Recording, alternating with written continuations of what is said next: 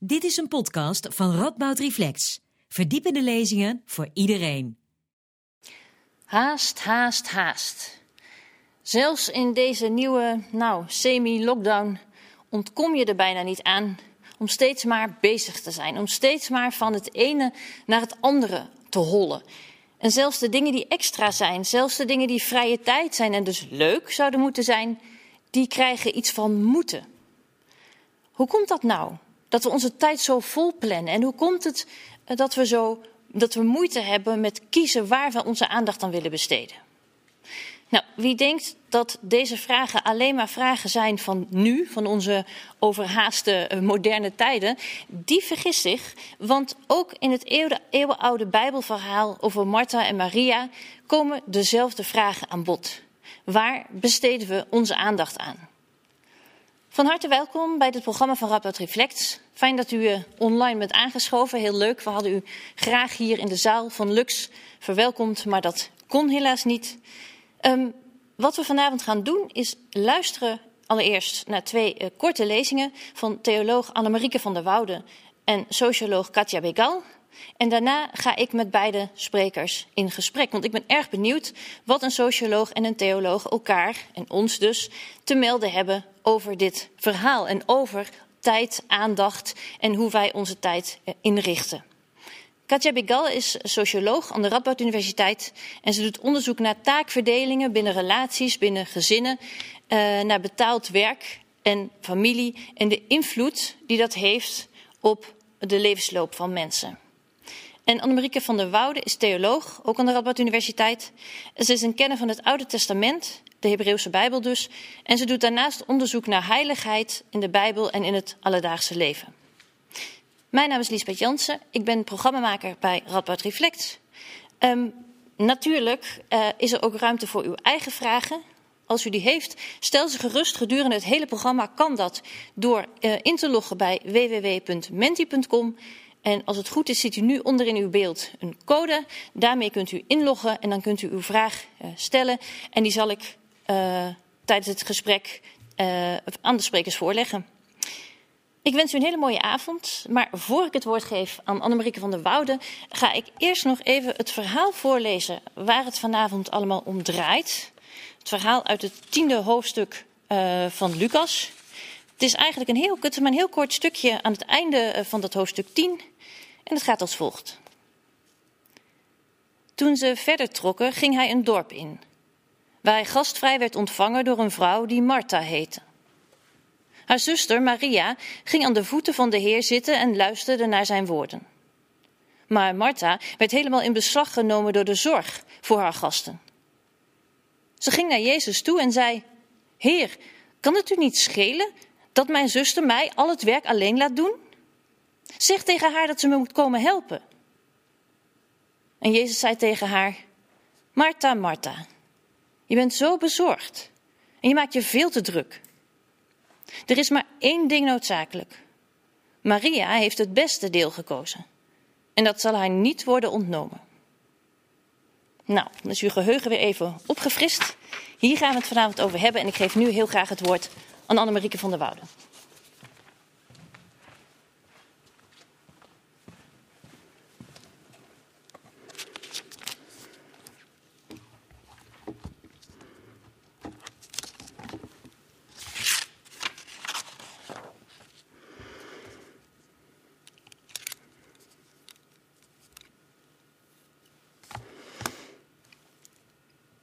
Ik weet het, ik ben niet helemaal van deze tijd. Maar een van de dingen waaraan ik genoegen beleef, dat is een afwasstijl met een lekker sopje.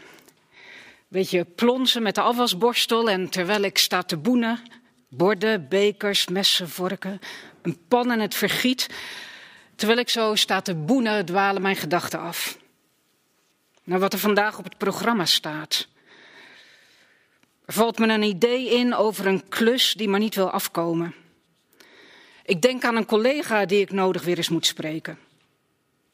Ik verzin een opening voor een mailtje dat al te lang in mijn inbox staat. En ik denk aan het college dat nog voorbereiding vergt. De dag beginnen met de afwas, dat doe ik graag. Maar waar besteden wij onze tijd en aandacht aan? Dat is de vraag die ons vanavond bezighoudt. Burn-out. Ik vertel u niets nieuws. Burn-out is wijdverbreid. En het treft je als een mokerslag. Van het ene op het andere moment glijdt alle energie weg uit je lijf. Voor velen is de weg terug lang. En sommigen, ze keren zelfs helemaal niet meer terug naar hun oude, arbeidzame leven. De oververmoeidheid, de overprikkeling die bij burn-out horen, dat zijn ernstige verschijnselen. De vraag waarvoor we ons inzetten en wat we van onszelf verlangen, die vraag, die vragen zijn dus zeer actueel. Mij is gevraagd om daarover mee te denken aan de hand van het Bijbelverhaal over Martha en Maria. En dat betreur ik wel, want ik vind het, althans op het eerste gezicht, helemaal niet zo'n prettig verhaal. Een verhaal, is eigenlijk een groot woord. Lisbeth zei dat ook al, want het zijn maar een paar regels uit de Bijbel. En ze zijn bij Lucas te lezen. Ik vat ze nog even, nadat Lisbeth ze al voluit heeft gelezen uit de Bijbel, ik vat ze nog even in het kort samen. Jezus, te gast in het huis van Martha en van haar zus Maria. Martha druk aan het redderen, terwijl Maria luistert naar wat Jezus te vertellen heeft. Schiet Martha in het verkeerde keelgat en ze vraagt Jezus om tegen haar zus te zeggen dat ze moet meehelpen. Jezus doet dat niet. In plaats daarvan berispt hij Martha. Ze maakt zich te veel zorgen. Nee, dan Maria. Die heeft het beste deel gekozen. Ik heb met Martha te doen. Dat komt natuurlijk omdat ik mij met mijn afwasstijltje, omdat ik mij ook een Martha voel. Ze sloopt zich uit voor Jezus, krijgt notabene van hem de kous op de kop. Wat wil dit verhaal duidelijk maken? Wordt hier actie uitgespeeld tegen contemplatie? Maar wat zou er van de wereld terechtkomen als iedereen, net als Maria, als een leerling aan de voeten van een meester gaat zitten? De boel de boel laat. Opnieuw mijn vraag: welke tegenstelling creëert Lucas in het verhaal over de twee zussen?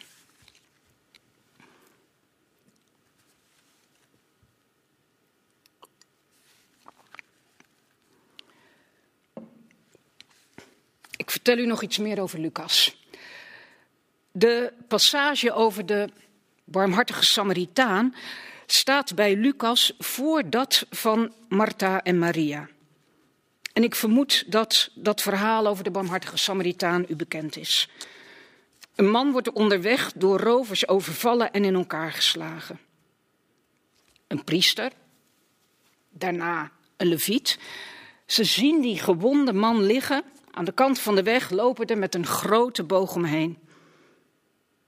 Een Samaritaan bekommert zich wel om die toegetakelde reiziger. Hij verzorgt zijn wonden, brengt hem naar een plek waar hij de nacht kan doorbrengen. Het verhaal lijkt het spiegelbeeld van dat van Martha en Maria. De Samaritaan doet, krijgt waardering van Jezus. Martha doet, wordt terechtgewezen. Iedere evangelieschrijver heeft van wat hem is overgeleverd een eigen compositie gemaakt.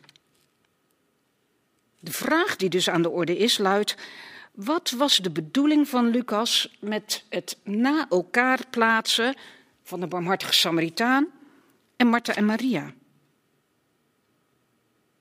Voor Lucas horen luisteren en doen, die twee die horen bij elkaar. Van de passages waaruit je dat kunt opmaken, citeer ik er eentje. Gelukkig zijn zij die naar het woord van God luisteren en er naar leven. En Jezus vergelijkt het samengaan van luisteren en doen, hij vergelijkt dat met het bouwen van een huis op een stevig fundament.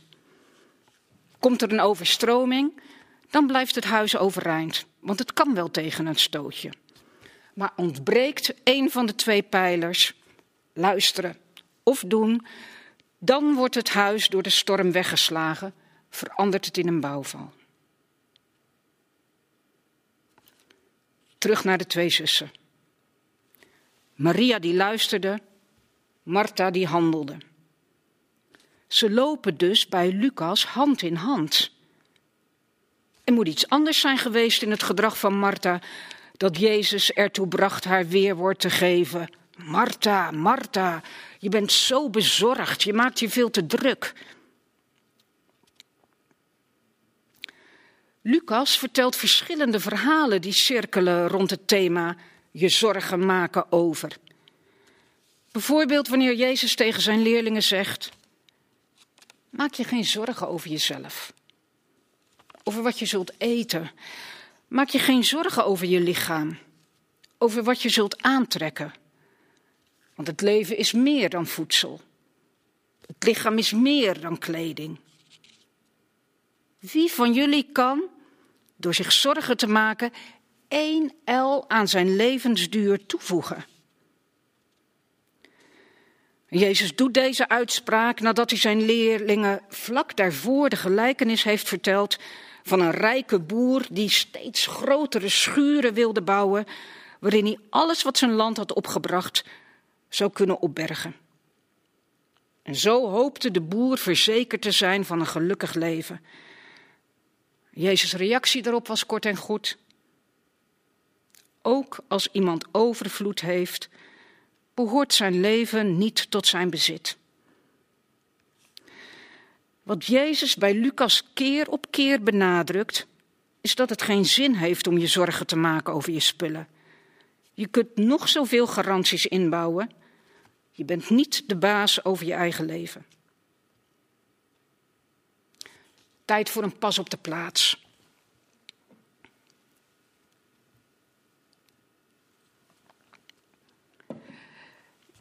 Ik stel me voor dat ik dit zeg tegen de man die mij iedere keer als ik naar de Albert Heijn in de stad ga, dat ik tegen de man die mij vraagt om een paar euro voor de nachtopvang, dat ik tegen hem zeg: joh, maak je niet druk, je hebt je eigen leven toch niet in de hand.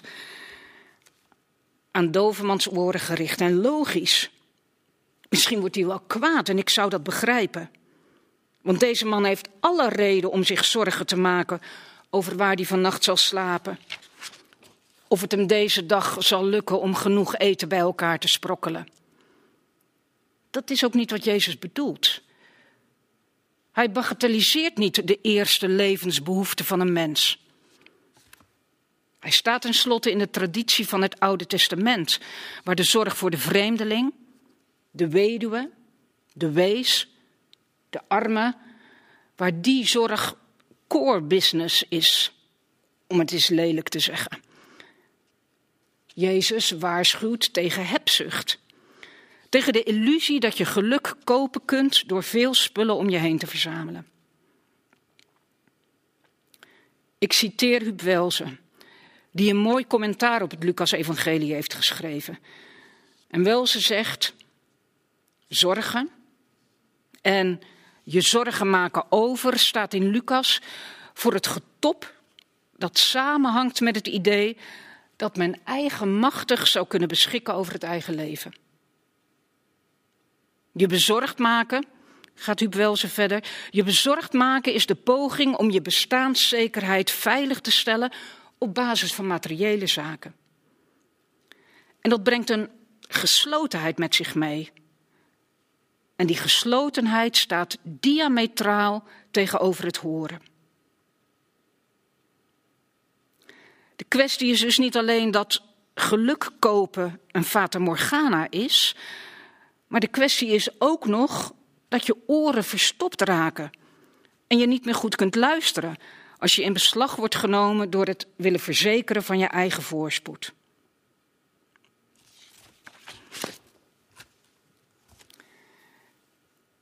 Wat wil Lucas nu zeggen met zijn verhaal over die twee zussen? Luisteren en doen, ze horen bij elkaar. Dat zei ik al. Het zijn twee aspecten van het bestaan. De ene keer actie en daadkracht, de andere keer contemplatie en bezinning. Maar aan dat activisme zit een grens. Uiteindelijk hebben we het leven, dat van onszelf, dat van de mensen die ons lief zijn. Uiteindelijk hebben we het leven niet in de hand. En wat zouden die mooie woorden dan kunnen betekenen in ons drukke leven vandaag de dag? Waarin de agenda geregeld tot de rand toe is gevuld. De prikkels 24 uur per dag, 7 dagen per week, onze concentratie doen verslappen, onze aandacht opeisen. In Lucas betekent dat luisteren, horen naar het woord van God. Dat spreekt niet iedereen aan. Maar om je geregeld te laven aan een bron, welke dat ook is, dat is wel van wezenlijk belang. Ieder mens heeft het nodig om van tijd tot tijd geïnspireerd te worden en nieuwe energie op te doen. Om, net als Maria, aan iemands voeten te zitten, te luisteren naar een goed verhaal.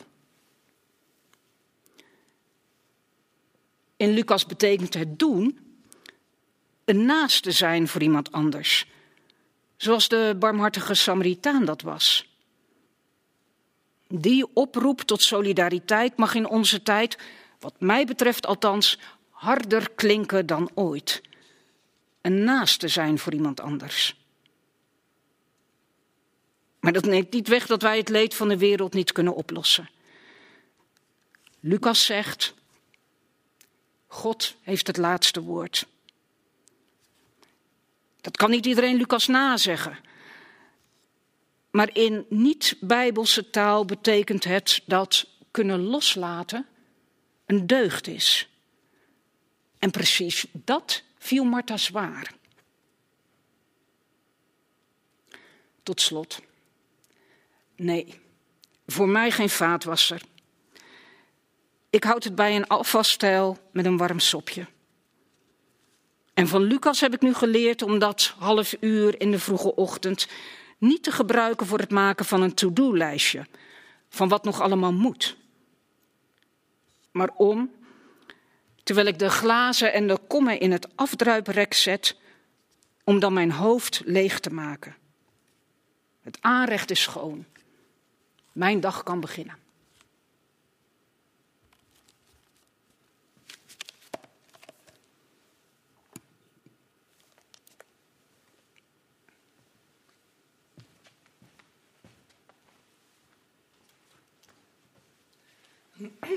Nou, ik uh, neem het over. Dankjewel. Um, ik heb heel anders gekeken naar het Bijbelverhaal. En dat heeft er ook mee te maken dat ik uh, op een hele andere uh, manier onderzoek doe en naar dingen kijk. Um, en het eerste waar ik eigenlijk aan moest denken bij het verhaal van hè, Martha en Maria. En dat Jezus Martha erop wijst dat ze zich druk, niet te druk moet maken. En uh, ook het verschil met haar zus Maria aangeeft. En dus eigenlijk ook zegt dat Martha niet de juiste prioriteiten stelt. Toen moest ik vooral eh, denken aan überhaupt het vraagstuk van tijdsbesteding. Wat doen wij met onze tijd? En ik heb uh, daar een, een beetje ondersteunend materiaal over. Ik heb daarbij dankbaar gebruik gemaakt van het uh, onderzoek van het Sociaal Cultureel Planbureau. En ik heb ook bijgezet dat het niet um, enorm recent is. Dus natuurlijk met het oog op de coronacrisis kunnen we ons afvragen of al deze dingen het oude normaal nog wel klopt, maar ik ga het toch hebben over het oude normaal. Um, en ik uh, wil het daar graag uh, straks misschien over hebben, of dat, uh, ja, hoe dat veranderd zou kunnen zijn. Maar um, als sociologen zoals ik kijken naar tijdbesteding, dan maken we onderscheid tussen verschillende soorten activiteiten. Um, dat, die grootste verschillen maken we eigenlijk, of de grootste categorieën zijn daarbij persoonlijke tijd, verplichte tijd en vrije tijd. Over persoonlijke tijd wil ik het vandaag eigenlijk niet echt hebben. dat zijn namelijk activiteiten die betrekking hebben op het eigen lichaam. En dat is eigenlijk slapen, het wassen en aankleden en eten en drinken. Dat is op zich ook interessant. Maar ik wil uh, eigenlijk het meer hebben over um, verplichte tijd. En over uh, vrije tijd. Maar nog even over die uh, persoonlijke tijd. Het is wel uh, het, het, grootste deel van onze tijd dat we doorbrengen met wat persoonlijke tijd heet. En dat is natuurlijk omdat we slapen in onze persoonlijke tijd. En we hebben weliswaar soms het idee dat in onze gehaaste tijd alles steeds in, dat we veel meer wakker zijn en misschien korter slapen. Maar dat is niet wat we in tijdsbestedingsonderzoek zien. Mensen slapen gewoon acht uur, keurig acht uur per nacht. Nou, dat, dat zover over de persoonlijke tijd. Nou, wat is dan die verplichte tijd? Daarmee bedoelen we eigenlijk werk. Maar werk uh, kan betaald zijn en onbetaald. En beide vormen vallen onder wat we verplichte tijd zouden kunnen noemen. In de zin van dat we niet altijd kunnen kiezen of we het doen of niet. En uh, de voltijdsonderwijs zou daar overigens ook onder vallen. En we doen dat gemiddeld zo'n uh, 6,5 uur per dag um, met z'n allen. Maar zoals je al kunt zien op deze twee diagrammen, die aan de linkerkant een mannelijke week uh, met de verschillende vormen van tijdbesteding uh, afgeven. Aan de linkerkant is uh, te zien hoe een vrouw haar week besteedt. Is de tijdsbesteding in verplichte tijd van mannen en vrouwen zeer verschillend. Want mannen besteden ongeveer 25 uur aan betaald werk in een week en ongeveer 17 uur aan zorgen. En bij vrouwen is dat eigenlijk gespiegeld. Zien we 27 uur besteed aan zorg en 16 procent besteed aan betaald werk. Um, en ook dat deze patronen zien we eigenlijk in Nederland. Dit heeft allemaal betrekking op de Nederlandse bevolking. Over de levensloop uh, vrij constant. En, maar het sterkste zien we dat in paren. Dus als een man en een vrouw samen gaan wonen, dan zien wij dat zij specialiseren. Dat zij verschillende activiteiten doen in die verplichte tijd. Uh, hier is dat voor betaald werk te zien. De lichte balk is de man en de donkere balk de vrouw. En hier zijn de balken precies andersom. Hier is hetzelfde nog een keer te zien. De tijdsbesteding aan zorg voor huishouden en anderen. Dus daar valt de zorg voor kinderen onder, maar ook bijvoorbeeld mantelzorg. En gewoon het, uh, het, ja, maken, het huishoudelijke werk. Um, en dan is dat opgesplitst naar geslacht en over de levensloop. En ook hier zien we steeds de, de ene balk hoger uitsteken dan de andere. Dus vrouwen besteden uh, hun hele leven lang meer tijd aan deze onbetaalde taken. Maar als we het samen optellen, dan zien we eigenlijk dat in Nederland, en dat is niet vanzelfsprekend, eigenlijk vrij bijzonder internationaal, dat mannen en vrouwen dezelfde budgetten hebben als het gaat ongeveer over persoonlijke tijd, verplichte tijd en vrije tijd. Nou, en dat laatste, als we het hebben over uh, het thema van deze lezing, ook aandacht, waar besteden we onze tijd aan, dan is natuurlijk wat we met onze vrije tijd doen ook um, heel interessant. En daarvoor wil ik graag nog een keer teruggaan uh, naar het begin, uh, waar we namelijk deze verschillende vormen van uh, vrije tijd kunnen zien. we zien een groot oranje blok, dat is de, de, de vrije tijd die we echt kunnen besteden aan sociale contacten en, en andere activiteiten. En dan zien we een klein geel uh, stipje van drie uur per week bij mannen en vrouwen. Dat is onderwijs buiten werktijden. Dus laten we zeggen niet de voltijdstudenten hier aan de Radboud Universiteit of elders, maar uh, cursussen die je doet om jezelf te ontwikkelen. En nog een heel klein blokje van anderhalf uur en dat is vrijwilligerswerk. En uh, de grote oranje blok is dus de tijd die we echt voor onszelf besteden. En nou, zoals uh, Anne-Marieke al aangaf, in deze tijd hebben we vaak het gevoel dat we van alles moeten, dat we van activiteit naar activiteit racen, dat we druk, druk, druk zijn. Nou, wat doen we dan in de vrije tijd die we hebben? wil ik even naar deze grafiek gaan. Um, de balken zijn voor mannen, de getallen gaan over mannen en vrouwen. En waar ik eigenlijk um, ja, dat het meest duidelijk in het oog springende is wat we met onze vrije tijd doen. Dat is, is overduidelijk. Dat is namelijk media consumeren. Dat noemt, de socioloog noemt dat mediagebruik. Dat is van de zes uur per dag die we aan vrije tijd hebben. Als we het over de week optellen, besteden we van deze uh, zes keer zeven uur twintig uur, dus ruim de helft gewoon aan mediagebruik. En vergeleken daarmee eigenlijk maar schamelen acht uur gemiddeld aan sociale contacten.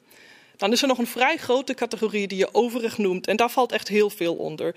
Uh, horeca, feestjes, uitgaan, uitstapjes, wandelen en fietsen, sport, cultuur, hobby's en gewoon ontspannen. Gelukkig, maar die is dus, deze hele categorie is nog steeds een stuk kleiner, ongeveer 14,5 uur per week, dan het mediagebruik. En tenslotte, vrijwilligerswerk en religieuze bijeenkomsten bij elkaar opgeteld zijn uh, nou, nog geen, geen twee uur per week. Um, dit is dus wat wij als collectief doen met onze tijd. Nou, dus de vraag wat doen wij met onze tijd is eigenlijk een beetje deprimerend. Het antwoord is dat dan kijken we naar schermen of we luisteren naar een synthetisch geluid. En natuurlijk is dat ook heel mooi en kan dat uh, heel veel plezier brengen. Um, maar het geeft ook wel een indicatie waar een gevoel van drukte vandaan komt. Um, en wat hier, wat hier wel mooi aan is, is dat mediagebruik is een soort uh, verzamelterm is. Um, en wij hebben het idee dat wij tegenwoordig uh, veel meer met media doen dan vroeger. En dat dat ook een uh, probleem is. Nou, ik ben even de, ook dankzij het Sociaal Cultureel Planbureau, de mooie rapporten over tijdsbesteding ingedoken. En wat blijkt, de tijd die wij aan media besteden is stabiel sinds 1975 ongeveer. Het is alleen zo dat we in 1975 voornamelijk radio luisterden en een beetje tv keken. En ook wel kranten en boeken lazen. Dat valt er ook onder. Terwijl we tegenwoordig gewoon heel veel in de weer zijn met internet en mobieltjes en tv, nog steeds. Er wordt ook nog steeds heel veel tv gekeken. En ik vond het heel mooi hoe Annemarike uitlegde hoe ze een soort moment van bezinning uh, ervaart bij het doen van de afwas. Maar ik denk dat dat gemiddeld niet zo vaak gebeurt. Ik denk dat mensen de vaatwasser dichtknallen en op de bank neerploffen en de afstandsbediening daarbij pakken. En ik, ik klink nu alsof ik dat allemaal verschrikkelijk vind, maar ik doe dat natuurlijk zelf ook. En dan Netflix aanzetten. En daarmee eigenlijk heel veel stemmen die in ons leven misschien een rol zouden kunnen spelen. Heel veel dingen die we eigenlijk enorm waarderen in elkaar en als gemeenschap. Annemarieke heeft het ook gehad over de barmhartige Samaritaan. Dat is denk ik wat we vandaag vrijwilligerswerk zouden noemen. Dat, die, die schieten er eigenlijk echt enorm bij in. Terwijl als we terugkijken op bijvoorbeeld de afgelopen tien jaar, dan denken we bijna nooit: wat fijn dat ik zoveel Netflix-series heb gekeken. Of wat fijn dat ik al deze tv heb kunnen kijken. Dat is bijna nooit waar we aan denken. We denken aan vakanties, aan leuke avonden met vrienden, aan tijd met onze familie. Dus ja, als we het hebben over uh, zeg maar puur dat verhaal van Martha en Maria, zover het gaat over wat doen we met onze tijd? Waar liggen onze prioriteiten? Wat vinden we waardevol om te doen? Um, en dan kijk ik vervolgens naar het tijdsbestedingsonderzoek. Dan, dan denk ik toch dat we vaak niet zo goed in staat zijn om die prioriteiten te stellen. Dat we misschien baat zouden hebben bij iemand die op een vriendelijke maar ferme manier zegt: Nou, maak je, stop nou met jezelf afleiden. Stop met, met je, met je ja, steeds voeden met informatie en blijf even in het moment. En mogelijk zouden we dan ook voor de rest minder drukte ervaren. Um, over die drukte, dat is natuurlijk ook iets wat. Uh, uh, ja, ik ben zelf Duits, dat hoort u waarschijnlijk aan mijn, mijn accent. Ja, daar komt die. Um, maar die drukte is echt iets heel, heel typisch Nederlands voor mij ook. In de zin van dat, dat, dat mensen met agenda's in de waar zijn, weer zijn en heel ver vooruit plannen. En dat, dat druk zijn eigenlijk ook heel belangrijk wordt gevonden. En daar zit natuurlijk ook een beetje de crux. Dus op het moment dat wij een goed leven uh, vinden een, dat dat een druk leven is, of een succesvol leven, een druk leven, dan willen wij dus druk zijn. En nou ja, dat lukt uitstekend. De vraag is, ja, is dat nodig? Is, dat, is, is alles wat wij doen, voedt dat on, ons en hetgeen we echt belangrijk vinden en willen? Of is een deel daarvan dus ook een, uh, een, een het, het, ja, het jezelf bezighouden? En wat we zien als we het hebben over drukte is, daarnaast zijn nog een paar uh, vrij voorspelbare patronen. Vrouwen hebben het gemiddeld genomen drukker dan mannen. In, in die zin sluit het verhaal van Martha en wat Jezus zegt goed aan. Vrouwen zijn meer in de weer en multitasken ook meer, doen meer verschillende activiteiten. En daar komt een, een hogere ja, gevoel van drukte uit voort, een sterker gevoel van drukte. Maar ook jonge ouders zijn druk. En uh, hoge opgeleiden zijn drukker dan lage opgeleiden. Um, maar die werken ook meer uur gemiddeld. En mannelijke hoogopgeleide vaders hoogopgeleide vaders besteden een stuk meer tijd aan zorgtaken dan lager opgeleide vaders, terwijl hun vrouwen dus weer meer werken. Dus daar komt logischgewijs een gevoel van enige drukte uit voort.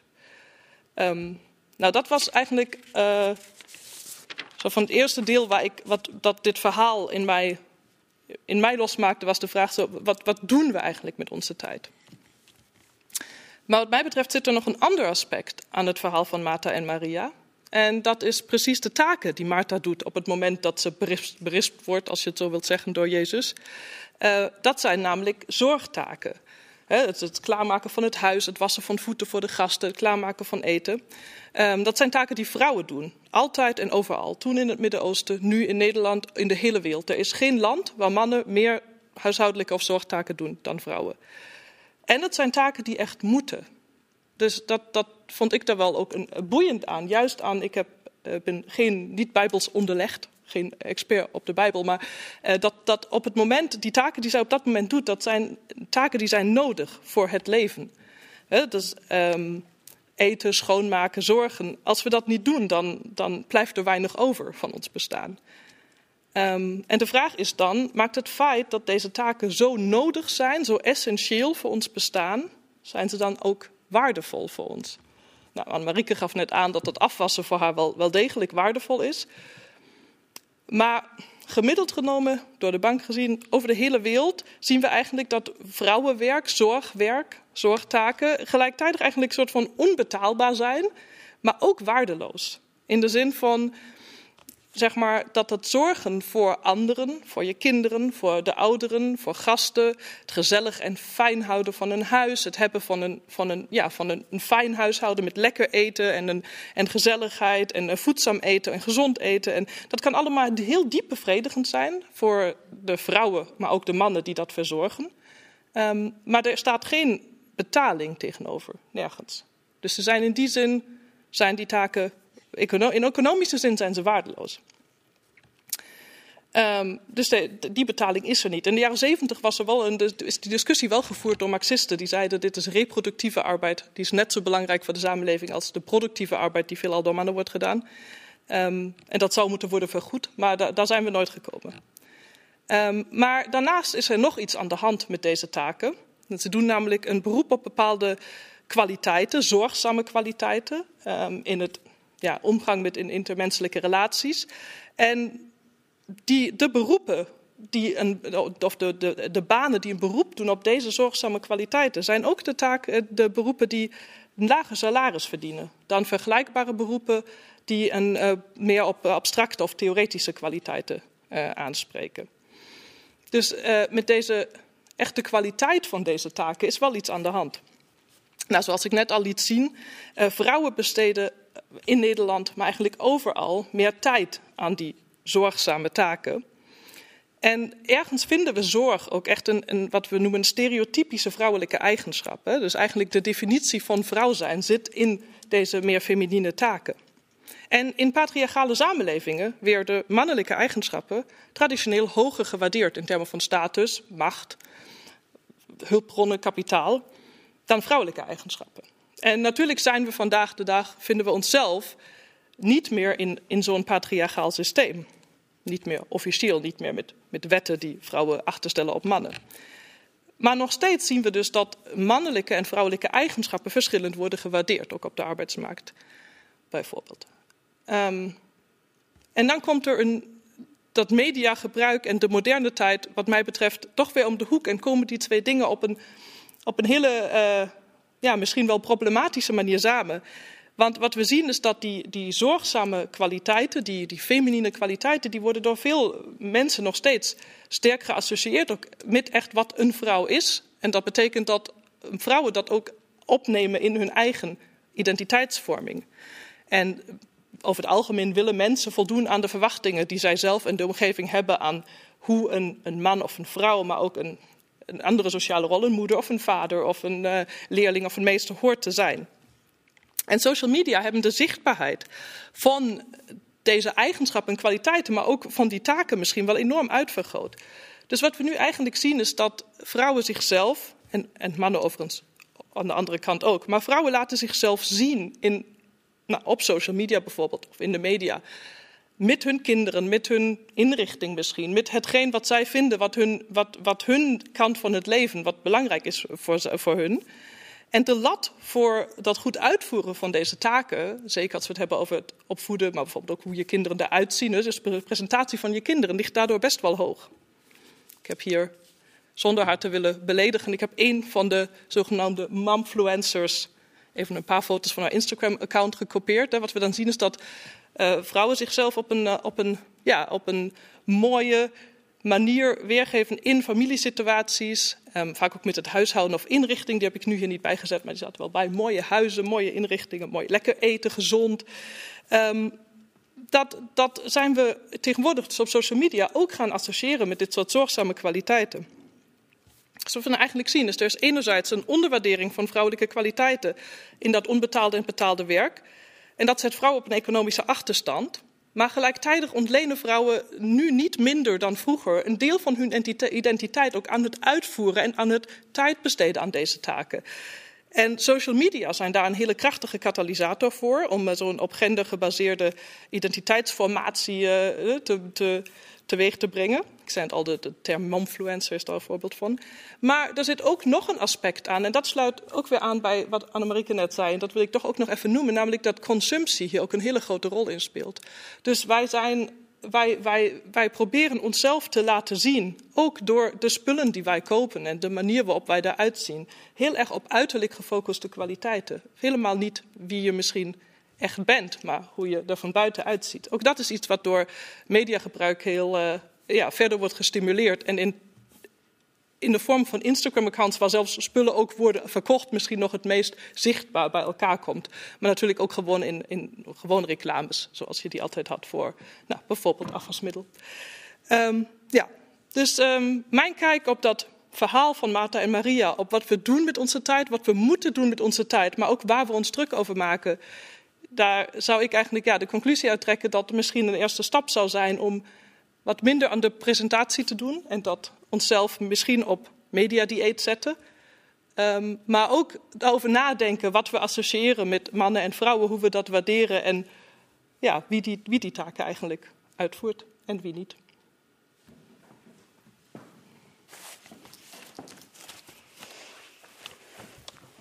Dankjewel, Katja en Annemarieke. Twee heel verschillende lezingen. Rond hetzelfde verhaal. Dus ik ben heel benieuwd naar, uh, naar ons gesprek. Ik denk dat ik bij jou ga beginnen, Katja. Want jij hebt heel veel verteld over zeg maar, uh, wat de cijfers zijn en hoe de, hoe de feiten zijn, hoe de verdelingen zijn. En maar steeds op leek ik een soort ondertoon in jouw verhaal te horen. Want ik dacht, ja, maar dit zijn niet alleen maar de feiten. Jij vindt hier ook iets van. Vindt iets van? Ja, dus ik dacht, gaan we, laten we daar eens gaan beginnen. Wat vind je daarvan? Van het verhaal ook van Martha en Maria? Nou, of eerst uh, maar even deze... van het feit dat je, dat je dus constateert dat mannen en vrouwen, dat die taakverdeling nog steeds verschillend zijn en ook verschillend gewaardeerd worden. Ja, ik vind dat in zichzelf problematisch, omdat het dus uh, gepaard gaat ook met een economische. Uh, het is niet alleen maar wat je leuk vindt om te doen. Het doet heel veel met uh, ja, hoeveel macht je hebt in economische zin, maar ook hoeveel je voor jezelf te besteden hebt. Dus met die bestaanszekerheid, die ook in de lezing net langskwam, het doet het heel veel. En, en daarom, dat maakt het problematisch. Um, en, maar daarachter zit dus die, die waardering. En die gaat dus. Nou, ik voelde die dus in dat Bijbelse verhaal eigenlijk, dat dat een, eigenlijk al een mooie illustratie is van hoe we um, ja, typisch vrouwelijke kwaliteiten en taken eigenlijk niet echt waarderen, maar een beetje afdoen als. Ja. En dat zat er voor jou in het verhaal dan van Martha Maria vooral in dat Jezus tegen Martha zegt: Maak je niet zo druk, laat Ja, maar, hoeft niet. Terwijl het Ja. wel hoeft. Maar misschien niet.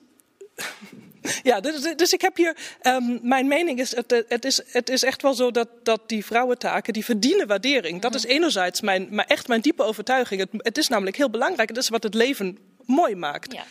Ik zou alleen willen dat niet alleen vrouwen dit deden. En ik word zeker van wat er op social media gebeurt op sommige punten. Dus in die zin een beetje treurig, omdat dus uh, wij daarin in, toch wel in rolpatronen weer vast lijken te komen zitten.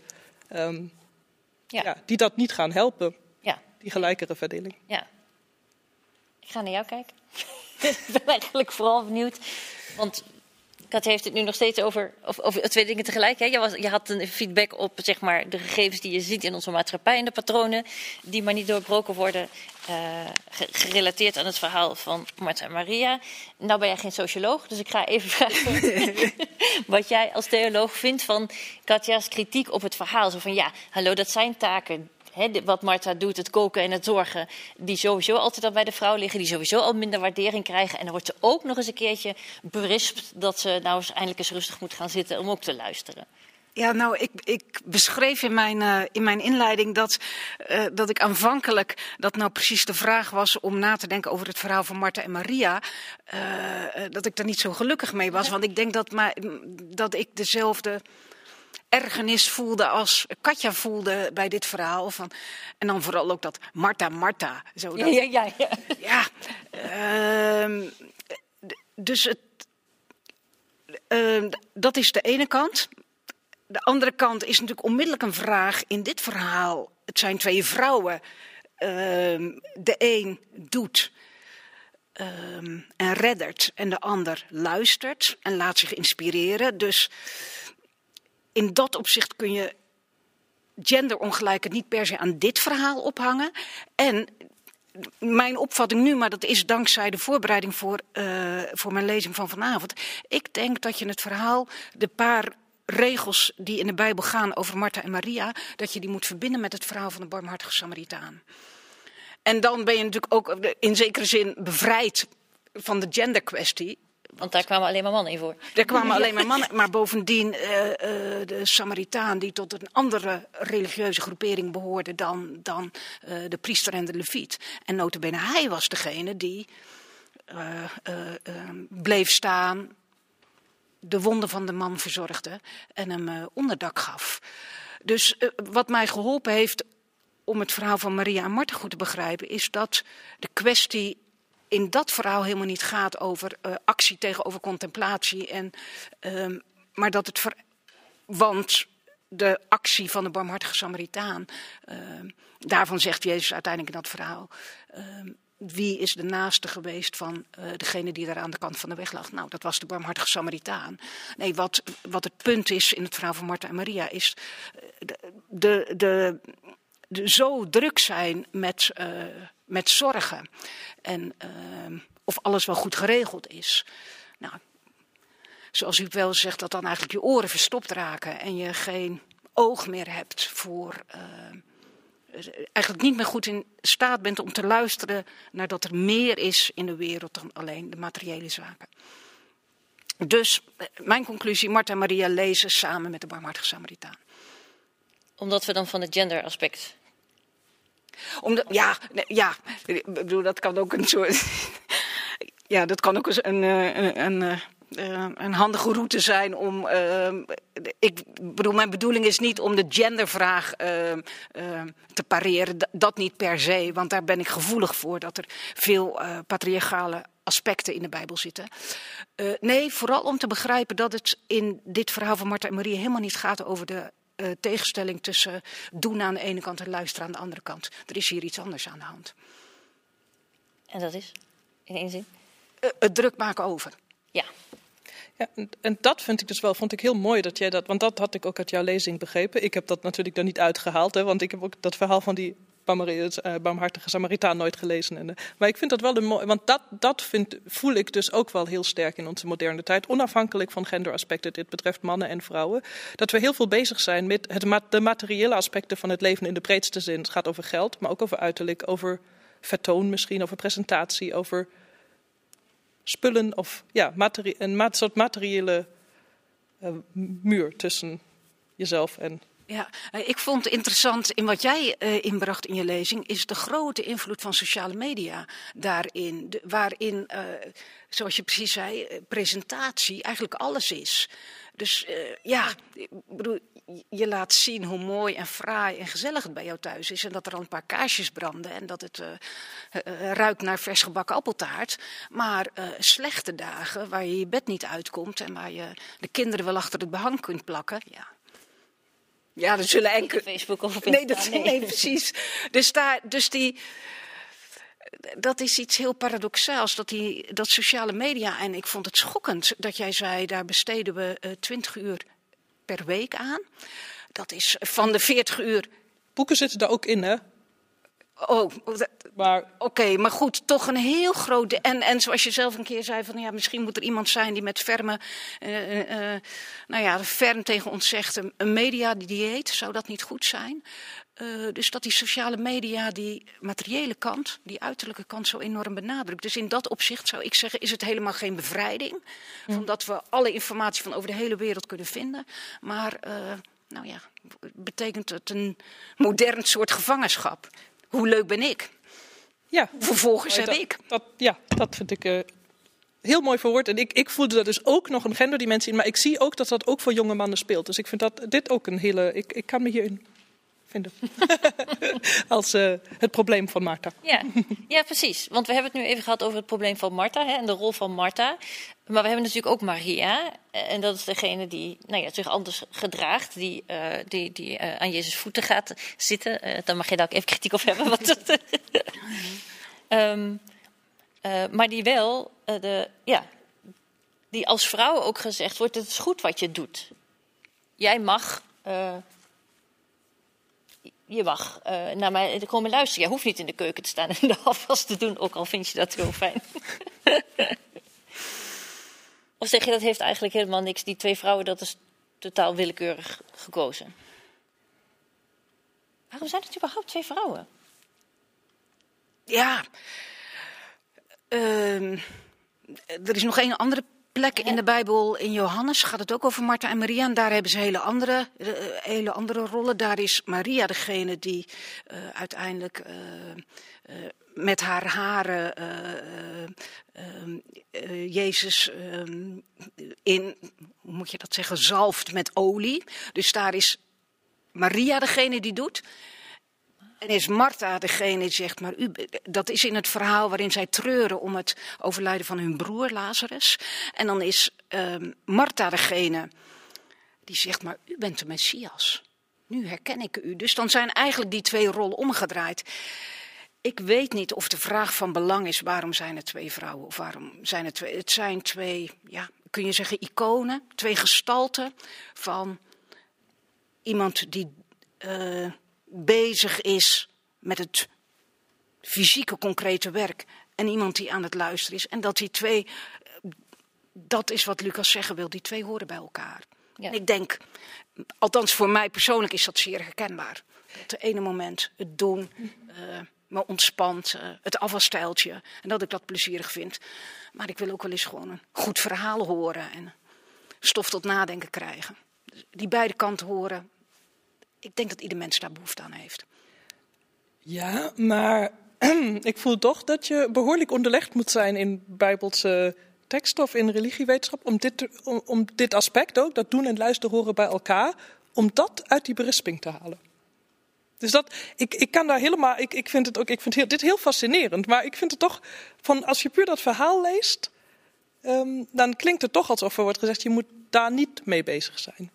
En dus dat, dat het niet samengaat, maar dat het of office. Dat er een, ja, ook, ja, en ook dat er een hiërarchische relatie bestaat tussen die, uh, nou, laten we het materiële taken noemen van het zorgen, maar ook nou ja, het zorgen, het, het, het, het schoonmaken, het koken en het, uh, de contemplatie en de, de religie. Terwijl het natuurlijk in, in de echte wereld, en dat is misschien ook, ik zei net die Marxisten uit de jaren zeventig, die heel duidelijk zeiden, maar luister eens, er is gewoon geen werknemer meer die in een schoon shirt aan een fabrieksport kan verschijnen, als we die, dat andere werk niet doen. En dat is natuurlijk ook, ik weet niet hoe inspirerend, ja, Jezus zal wel door hebben kunnen gaan als hij honger had. Maar heel veel mensen vinden dat best moeilijk. Om inspirerende gesprekken te voeren op een lege maag.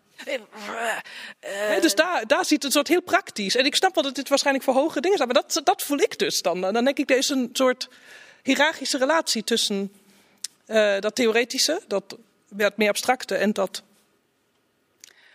Wow, nu komt er ineens heel veel bij elkaar. Oh. Uh, Sorry, dat is slecht. uh, een hiërarchische relatie.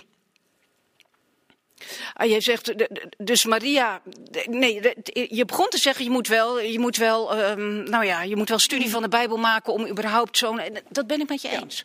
Dat ben ik helemaal met je eens. Daar kan ik echt, daar kan ik echt niks aan afdoen. Nee, en dat... dat uh, dus dat je die paar regels over Martha en Maria, dat uh, bijvoorbeeld wat ik, uh, wat ik zojuist zei, het lezen in samenhang met de barmhartige Samaritaan, dat kleurt dat verhaal op een andere manier. En ik lees er een commentaar op na om op die samenhang gewezen te worden. Maar ja, jij als socioloog uh, uh, bestudeert ook het rapport van het Sociaal Cultureel Planbureau. En, en leest, dus dat, ik bedoel, ja. Oh nee, nee, we hebben allebei ons eigen vak. Heel waardevol, maar ik vind het gewoon zo, zo, um, zo interessant dat dat, dat, dat um, voor de leeklezer dus nee, ze, moeilijk, in die zin moeilijk benaderbaar is. Nee, dat, de, en ik ben dat, en um, denk wat daar nog een rol bij speelt, is dat eeuw en theologie natuurlijk heel, heel vaak in, precies in deze richting zijn ja. geweest, uh, uh, gegaan. Van, uh, nou, waar het eigenlijk. En misschien is dat wat je bedoelt met die hiërarchische relatie. Waar het eigenlijk om gaat, is dat je aan de voeten van Jezus zit en naar hem luistert. En uh, Martha die daar, uh, terwijl wat eigenlijk wezenlijk is, want als ze niet voor Jezus zorgt, dan kan, die, kan, ze, kan hij niet in haar huis ontvangen worden. Daar, dat wordt uh, dat is aan de precies kant. wat ik bedoelde. Ja, dat, dan wordt dat aan de kant geschoven. Um, maar jij, jij zei daarvan die hiërarchische relatie voor zover dat hiërarchisch is, zou ik zeggen, in dit verhaal is dat de verhouding tussen leerling en meester. Oh ja, uh, sorry. Ik, bedoelde met die hiërarchische relatie die tussen die, uh, die, laten we zeggen, die kwaliteiten of die taken. Dus dat we dat, dat theoretische of de contemplatie of dat rustig dat... zitten en luisteren, onafhankelijk van of Maria een, een, tot zijn, aan zijn voeten zit of een laten we zeggen, een man. Dat, dat bedoel ik. Ik bedoel niet de hiërarchische relatie tussen Jezus en Maria, maar meer dat er wordt gezegd van het is beter om bezig te zijn met die geestelijke dingen, met die spirituele dingen. Ah ja, ja. daar zit een, een hiërarchie. Terwijl wat jij aangaf, dat doen en luisteren, die twee dingen inderdaad samen noodzakelijk zijn voor een goed leven. Mm. Nee, dus ik denk inderdaad dat het verhaal van Martha en Maria, als je dat leest samen met de barmhartige Samaritaan, dat dat geen aanleiding geeft om te zeggen: Jezus, die vindt eigenlijk uh, de mensen die aan zijn voeten zitten en naar hem luisteren, die waardeert hij hoger dan degene die, uh, nee, precies. die nee. zorg dragen voor de naasten, zoals de Samaritaan deed. Maar dan moet je die twee... Dan moet je ze samen lezen. Moet je ze samen lezen. Dat, ik zal dat sowieso nog even doen. Nee, maar... Ja. Nou, wat, dit is misschien ook wel een bruggetje naar iets wat jij vertelde, Katja. Namelijk naar de taakverdeling tussen mannen en vrouwen en hoe die gewaardeerd worden. Daar hadden we het net ook al heel even over. En terwijl jij je lezing gaf en ik daarnaar luisterde, dacht ik ook... het is ook interessant wat wij verstaan onder waardering. Ja. Want waardering is dan dus niet per se dat iemand blij is dat hij, zoals je net zei, hè, in een schoon shirt voor de poorten van de fabriek kan staan. Maar waardering is dan dat je er geld voor krijgt. Het is allebei, denk ik. Hmm. Dat is dus het fascinerende aan die, um, hè, aan die vrouwen, aan die zorgtaken, is dat ze gelijktijdig echt enorm gewaardeerd worden door je naasten, door je omgeving, door je kinderen, door die ouderen waar je voor zorgt. Hè, en dat ook zo voelt het is echt ook wel bevredigend om, om, dat, soort, om dat werk te doen. Zelf twee kleine kinderen. Ik ben echt met liefde ouder. Um, en, en partner en vriend en al die dingen. En ook ja, schoon, okay, schoonmaken. Nou. Maar goed, lekker koken. Lekker koken. Um, maar ze zijn dus in die zin, ze, zijn, uh, ze worden gewaardeerd, maar ze, zijn niet, ze hebben geen economische waarde. Ja. ja. Maar dat zegt misschien iets over hoe wij als samenleving kijken naar wat belangrijk is en wat, waar we waarde aan hechten. Dat we zeggen, goh, die taken, daar krijg je veel geld voor. En je hebt natuurlijk gelijk, als je veel geld verdient, dan heb je bijvoorbeeld, ben je onafhankelijker, um, heb je meer vrijheid. Uh, maar dat zegt iets ook over iets wat wij als maatschappij belangrijk vinden. Ja, dat denk ik. Ja, voor mij komt dat wel zo. Ja, er wordt ook vaak gezegd hè, dat uh, verpleegkundigen en kinderopvangmedewerkers doen het allemaal met liefde. En die liefde die moet dan een deel van dat salaris compenseren. En daar ben ik dus nooit zo. Ik, ik vind dat geen, uh, geen juist argument. Ook omdat ik heel veel uh, mannen met prachtige carrières zie die ook echt heel veel bevrediging ontlenen aan hun werk. Maar ook een heel hoog salaris. Ja. Dus dat, dat, dat, dat dat niet allebei zou kunnen, daar, dat, daar geloof ik. Daar, ik ben wetenschapper bijvoorbeeld, daar heb je dat ook. Hè. Ik, ik vind dat ik prima wordt betaald. Maar ik, heb ook hele, ik haal echt heel veel intrinsieke bevrediging ook uit mijn werk. En ik zou het niet tof vinden als iemand zou zeggen, nou daar gaan we uh, voor die intrinsieke, omdat je het zo leuk vindt, gaan we daar een deel, uh, gaan we daar wat minder geld voor geven. Of zo. En zo, dat, dat wordt natuurlijk soms een beetje, um, dat zijn die twee kanten van die hè, waardering. Ja. ja. Maar zou jij vinden dat uh, het zorgende werk wat, uh, wat niet of laag betaald wordt, zou jij willen dat daar een financiële vergoeding tegenover staat? Zodat, um, nou, ik zou... zodat de ongelijkheid die je nu waarneemt wegnemen? Laten we zeggen, ik weet, ik weet niet zo goed hoe ik me moet verhouden. Dat is tot, uh, tot dat vraagstuk van moeten we huis, huis, huisvrouwen feitelijk, hè? moeten we dat nou betalen? Dat is, ook, dat is gewoon een moeilijk gesprek, want zodra je dan waarde aan toekent, betekent dat ook dat het niet meer waard is dan dat. Hè? Bijvoorbeeld minimumloon, dan denk je, ja, oh, dus wat ik doe is maar minimumloon waard. Dus dat, dat, dat even aan de, dat onbetaalde werk even aan de kant. Maar in betaald werk, in beroepen, ja zeker. Ik vind dat wij als samenleving echt heel goed zouden moeten nadenken. En dat laat deze coronacrisis laat dat uitstekend zien. We hebben essentiële beroepen. Dat zijn allemaal, bijna allemaal laagbetaalde beroepen. Dus beroepen waarvan blijkt dat die noodzakelijk zijn voor het drijven van onze samenleving, uh, zijn eigenlijk ook de beroepen die relatief uh, ja, financieel niet zo heel hoog worden gewaardeerd. En dat heeft te maken, ja, ik, ik voer dat dan mede terug op het patriarchale systeem, dat gewoon toch ja, nog steeds ook in ons zit, ook al hebben we dat niet meer formeel vastgelegd, dat, dat is gewoon een waardering van kwaliteiten. Abstract, theoretisch, um, versus zorgend en intermenselijk. Heb je daar als theoloog een reflectie op? Nee, ik ben, ik ben het, ik ben het 90% met je eens. Want dat is natuurlijk, tuurlijk, en zeker als je de coronacrisis erbij haalt, dan, dan, dan is dat heel schrijnend. Dat uh, de beroepen die essentieel blijken te zijn, zo slecht uh, uh, gewaardeerd, financieel zo slecht gewaardeerd worden. Dat gaat ook voor het onderwijs, dus daar zit een, zit een groot probleem. Tegelijkertijd voel ik ook wel de verleiding om eens na te denken over, maar zouden we, zou, moet alles economisch vertaald worden? Of zou je niet eens met elkaar, mannen en vrouwen tegelijkertijd, eh, moeten nadenken over waarom altijd maar door en waarom altijd maar meer en waarom altijd maar hoger? Zou, hoeveel ontspanning zou het niet geven in de samenleving als meer mensen zouden kunnen zeggen, nou weet je, voor mij genoeg. Ik, uh, is natuurlijk een, is een luxe probleem, maar toch. Weet je, ik werk een aantal dagen en ik doe vrijwilligerswerk. Ik zorg voor mijn ouders. Ik, ik, nou ja, wat, er maar, wat zich maar aandient. Omdat die intrinsieke uh, motivatie en ook voldoening die je vindt, die is ja, ook weer onbetaalbaar. Daar word je ja, ik denk, het leven leuker van. Ik denk het enige wat daar, wat daar wel zeg maar, tegen in te brengen valt, is, is ja, wat je zelf al aangeeft. Hè. Ten eerste, het is in een, een bepaalde luxe positie. Het is vooral de witte middenklasse die zich dat, of bovenklasse die zich kan veroorloven. Is. Ik bedoel, ik werk zelf ook vier dagen. Ik vind dat heerlijk. Niemand zal meer dan vier dagen moeten werken. Maar dan moet je wel best wel goed verdienen om dan in, hè, in de Randstad bijvoorbeeld nog een huis te kunnen betalen. Dat is natuurlijk iets waar jonge generaties nu mee worden geconfronteerd. Hè. Dat, um, dat er ook daadwerkelijk een hogere druk ligt op wat je moet binnenhalen om bijvoorbeeld gewoon een woning te kunnen hebben. Maar afgezien daarvan ben ik het, ben ik het helemaal met je eens dat dat ook een. Want dat heeft ook weer met consumptie te maken. Hoeveel wil je aan materiële spullen je leven binnenhalen? Dat moet je natuurlijk ook eerst aan geld verdienen. En da daar zit ook een heerbezinning, die dus, denk ik, die jij aangaf, ook in Martha en Maria heel duidelijk zit. Um, ja, dat zou mooi zijn. Um, nog één klein ding wat daar wel ook tegen in te brengen valt, is dat gewoon als je in Nederland op dit moment gaat scheiden, um, dan is het, nou ja, als vrouw ga je dan, ik geloof gemiddeld uh, 25 à 30 procent in inkomen achteruit. Um, je, kunt dan gewoon, je moet dan gewoon weer een man vinden om een nieuw huis te, te hebben. En dan is het wel leuk als je zeg maar je ouders hebt verzorgd. En die hebben dat heel erg gewaardeerd. Die zijn daar heel dankbaar voor. Maar als die ouders niet vervolgens hun huis aan jou overlaten. En daar zelf misschien ook niet mee in wonen. Of alleen in een klein deel. Dan is die waardering ja, is, is, ja, vertaalt zich dus wel in een, in een reële materiële noodsituatie voor vrouwen. Want dat is een heel. Hè, dat, uh, we hebben een term bijstandsmoeders, we hebben geen bijstandsvaders. Um, natuurlijk. Ja. ja. Dus dat, dat is wel een, hè, een kanttekening van. Ja, natuurlijk moet het economisch niet overgewaardeerd. Ja. ja. ja. Ja, je zei, je zei ook ergens in je lezing, Katja, van ja, het gaat ook over uh, wat we zien als een goed leven. Mm -hmm. Toen ging het meer over de hoeveelheid dingen die we doen. En dat je zei, dat vond ik heel terecht, van ja, zolang we uh, een goed leven blijven zien als een druk leven. Dat we pas het idee hebben dat we echt leven als we onze agenda van s ochtends vroeg tot s avonds laat hebben volgeplemd met alle mogelijke afspraken. Dan is dat dus wat we doen. Mm -hmm.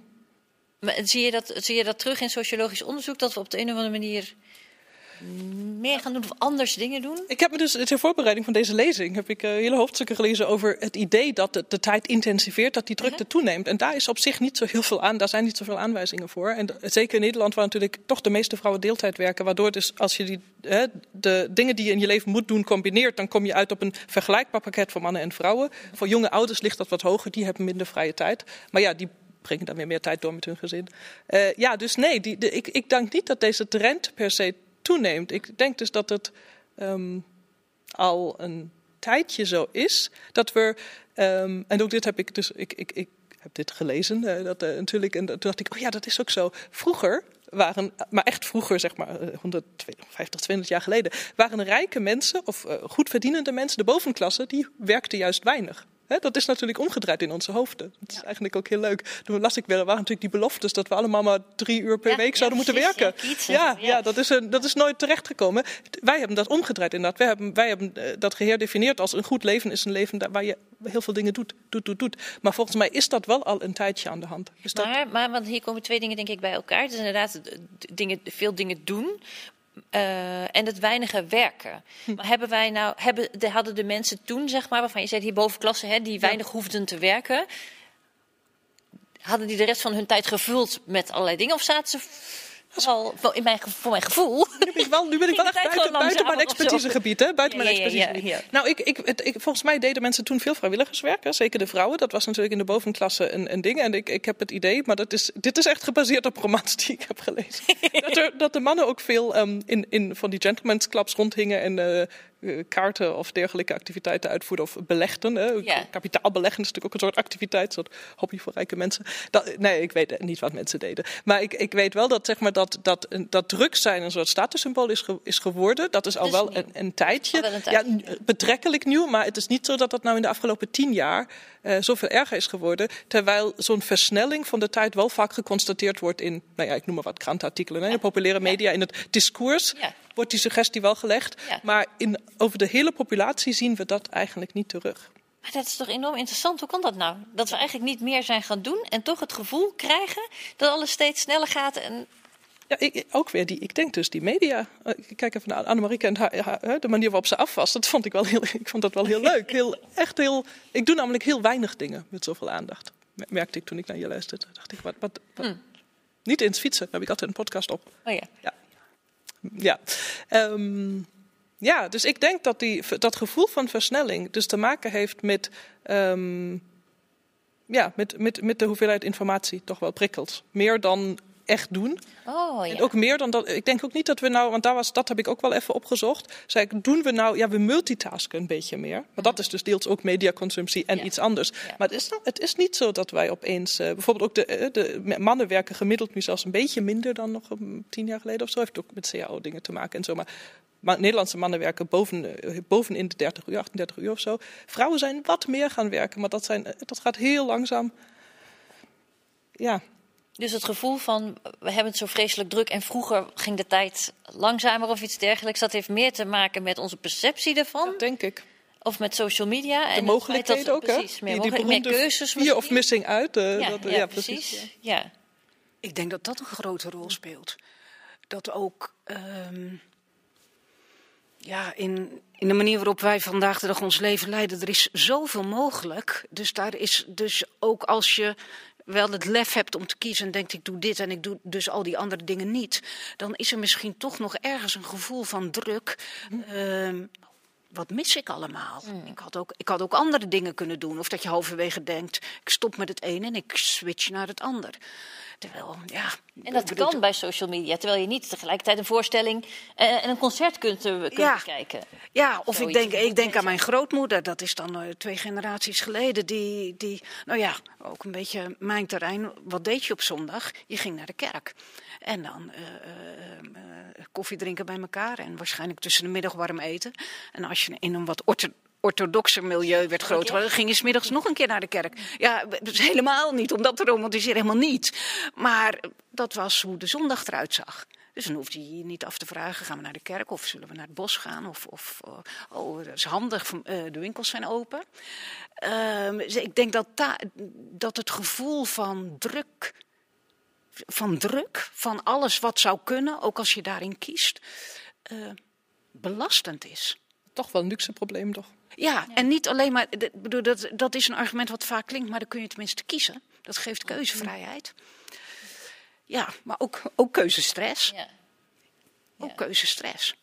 Ik wil nog even uit één zinnetje uit het verhaal, omdat ik daar zelf de hele tijd, eh, nou ja, tegenaan liep misschien niet, maar ik dacht dat dat, dat, dat nou ja, ehm, heeft hier ook mee te maken. Of ik vond het interessant, ik dacht het heeft ook iets met deze tijd te maken, dat Martha gaat klagen bij Jezus. Dus ze gaat niet naar Maria en zegt, hallo zus, zou je me niet eens even helpen daar in de keuken? Nee, ze gaat naar iemand anders en zegt, kun jij even tegen die zus van mij zeggen dat? Dat vond ik ook zo interessant. Heb jij, heb jij enige... Want ik dacht, dat, is, dat zie ik ook heel vaak. Dat als ik ruzie heb met jou, bij wijze van spreken... dan ga ik, ga ik niet tegen jou zeggen... Goh, Katja, eh, dat vond ik niet zo aardig of zo. Nee, dan ga ik naar iemand anders. Be- het liefst naar iemand, bijvoorbeeld als jij een collega bent... ga ik naar de leidinggevende van ons allebei... en dan ga ik zeggen... Goh, ik had een heel vervelend gesprek met Katja. Dat, dat gebeurt hier toch ook? Of is dit heel, is dit heel iets anders? Ja, grappig, grappig. Nee, ik- mijn eerste, mijn spontane reactie daarop is, Jezus is de rabbi. De leraar, dus hij Is de leraar. een aangewezen persoon om dit... Ja, en hij is, en, het, het, het zal bijzonder zijn geweest dat hij het huis van eh Martha en Maria aandeed om daar, eh, ja, om daar te verblijven, te eten, te overnachten. Ehm, dus ik denk dat hij in die situatie het meeste gezag had. Ja. Dus dat je je vraag daarover Ja, je kunt, natuurlijk, je kunt natuurlijk speculeren over alles wat er niet staat. Misschien hebben Marta en Marie al heel vaak ruzie gehad over. Uh, ja, ja, ja. ik, ik kwam in mijn recherche tegen dat we anders niet Jezus' stem in deze zaak hadden kunnen horen als zij niet had. Dus het is gewoon een. Oh. Ik, ik kwam in, in, mijn recherche, maar die was wat profaner, was gewoon internetrecherche. kwam ik tegen dat uh, het stijlmiddel is in de zin van als zij gewoon tegen Maria had gevoeterd en Maria had gezegd: laat me met rust, ik wil hier zitten. Was het vermoedelijk niet in de Bijbel terechtgekomen, inderdaad. Want, want nou ja, want zo, dat, daarvoor is het dan niet. Ja. ja. ja nee, dus ze moest het wel tegen Jezus zeggen, zodat hij iets hè, kan zeggen dat wij dan daarvan leren. Maar ik, weet, ik heb geen idee of dat zo is. Ja, Martha, dus Martha geeft Jezus podium. Dat is wat er dan. Uh, ja. Nou, Lucas geeft uh, Jezus podium door Martha. Nee, precies. dat zou ik er ook nog aan toe willen voegen. Want uh, het is Lucas die deze compositie maakt. Ja. Dus Lucas geeft via Martha. Maar het is inderdaad een, dat is een apart aspect waar ik me helemaal ook verder niet. Ik dacht, oh, deze laat ik inderdaad. Waarom doet zij dat? Dat is inderdaad een. ja. Ja. Ja. ja. ja. Aparte move. Um, ik ga zo even naar uh, kijken of er al vragen zijn uh, uit, nou ja, niet uit de zaal, maar wel van de mensen thuis. Um, dus uh, als u een vraag heeft, maar u hebt het nog niet gesteld, log even in bij menti.com via de code die u hopelijk nu nog steeds onder in beeld ziet en dan kunt u die stellen. voor ik naar jullie vragen ga, wil ik nog heel even terug naar iets wat, naar jouw afwasstijltje en naar wat jij daarover zei. Want dat vond ik eigenlijk heel mooi, dat je zegt door ja, dat we in de dingen die we doen, die we toch moeten doen, afwassen, koken, de kinderen naar school, weet ik veel, um, dat de manier waarop je ze doet, dat daar de aandacht in zit. Dus het gaat er niet zozeer om dat we ergens iedere, iedere, iedere, iedere dag een half uurtje voor meditatie of zo uh, inlassen, nog iets erbij. Uh, maar dat het gaat om de manier waarop je gewoon de dingen doet die je toch al moet doen. Nou, ik vond dus het was ook een, uh, een zelfontdekking. Dat ik dacht, oh ja, ja, weet je zo, lekker, lekker afwassen en dan bedenken dit en dat en zus en zo en wat er vandaag allemaal moet. En uh, dat ik na uh, het lezen van dat verhaal, Marta en Maria, en, en wat ik daarover gevonden heb in het commentaar, dacht, oh ja, maar dat druk maken over dat dus eigenlijk niet. Dat is waar Jezus in dat verhaal over struikelt. Dus zou ik ook kunnen proberen om, terwijl ik lekker sta af te wassen, s ochtends, gewoon als een manier om mijn hoofd leeg te maken. En wat bedoel je dan nu met dat druk maken over? Nou, dat, ik, dat in mijn eerste, dat het me ook heel vaak gebeurt, terwijl ik daar lekker sta af te wassen en dat plezierig vind, een to-do-lijstje in mijn hoofd oh, Ja. Van ik moet straks zo en er staat nog een mail en goh jeetje, die heb ik nog steeds niet beantwoord. Dus op die manier, uh, nou ja, helemaal Marta ben. Mm Druk maken over, zorgen over. Uh, uh, en dat er, ik noem het ik noem het in mijn verhaal ook de, zeg maar, de deugd van het loslaten. Kijk, mhm. ik bedoel, ja, theologisch of gelovig zeg je dan, zoals eh, Lucas dat zou eh, zeggen. Ja, God heeft het laatste woord. Ik realiseer me heel goed, dat kunnen velen niet nazeggen. Maar daar, daar, de onderstroom daarvan is wel, weet je, dat je de dingen ook kunt laten. En dat je niet overal controle over hoeft te hebben misschien. Ja, en, en, oh, en niet ook in een, een activiteit die op zichzelf noodzakelijk is. Want als de afwas niet gedaan wordt, staat het aanrecht vol. Maar een activiteit die ook ontspannen, ontspannend is, om het daarbij te laten. En niet al... Uh, nou. Mindful afwassen. Dat heet ja, mindfulness. Mindful ja. het, dat heet mindfulness, dacht ja, maar volgens ik. Mij ik, heb dat nooit, ik heb het eigenlijk nooit gedaan. Maar... Volgens mij is zelf afwassen een ideale manier om uh, mindfulness te, te, beoefenen. Ja, nou. in het moment zijn is dat. Ja, toch? Ja, precies. Zo met water in, ja. Ik ga eens even kijken of er al vragen zijn. En dat doe ik op mijn iPad.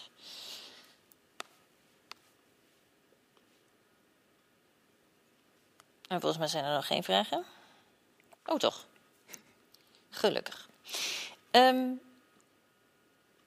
even kijken hoor. Waarom, dit is denk ik een vraag aan jou Katja. Waarom zijn de staven in de grafiek over tijdsbesteding niet gevuld tot 100%? Het lijkt of de verschillende doelgroepen niet evenveel tijd hebben. Um, dat ligt een beetje aan welke staven. Als je het allemaal bij elkaar optelt, dan kan het soms uh, kan het niet helemaal optellen tot, tot als het ware 168 eigenlijk, hè, uren in een week, omdat het dan uh, rondingsfouten in zitten. Maar ik geloof dat, uh, dat het zijn dus geen percentages, dat zijn uren per week.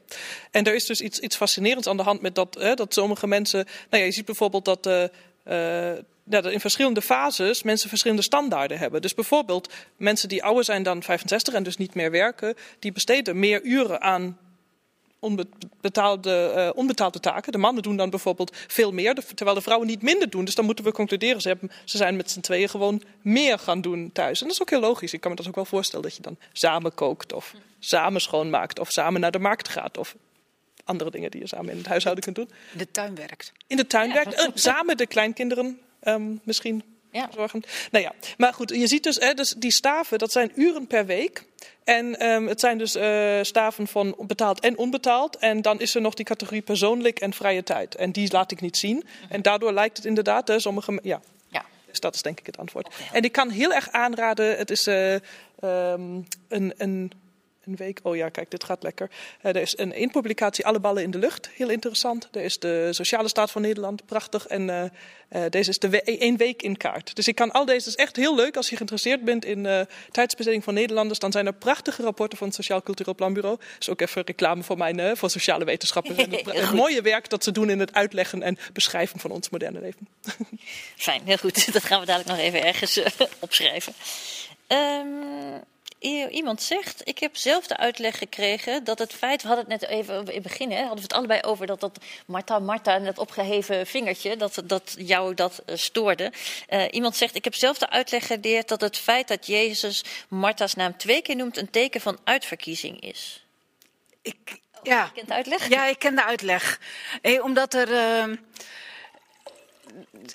uitverkiezing uh, is een ingewikkeld woord, maar dat het een, een roeping is, een roepingsverhaal omdat er verschillende, Mozes wordt twee keer geroepen, uh, Jeremia, er zijn verschillende verhalen in de Bijbel. Dus het twee keer noemen van de naam is een manier, uh, is een Samuel, uh, is een manier om geroepen te worden.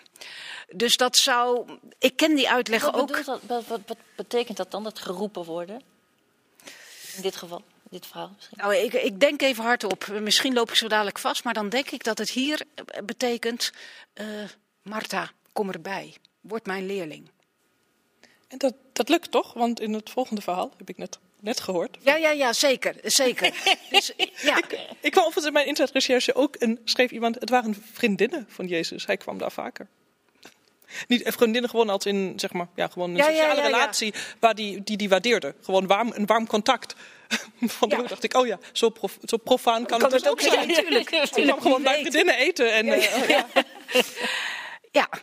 Nee, maar dat vind ik wel. Ik, ik ken die uitleg. Dus uitverkiezing is een ingewikkeld woord, maar dat het een roepingsverhaal zou zijn en dat je dat zou kunnen afleiden aan die dubbele naam, Marta Marta. Dat vind ik wel, eh, dat vind ik wel een interessante gedachte. Dus dan zou je, als je op dat spoor verder zou gaan, zou je kunnen zeggen: Maria was al zijn leerling en dat toonde ze in de manier waarop ze aan zijn voeten zat. En hij roept Marta om het te worden.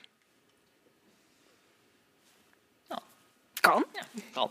Ja, kan. Ja, ze, Wel vriendelijker interpretatie dan het, het een soort... Dan het belerende vingertje. Ja, nee, zeker, zeker. Zeker. Ja. Even kijken, iemand zegt... vraag...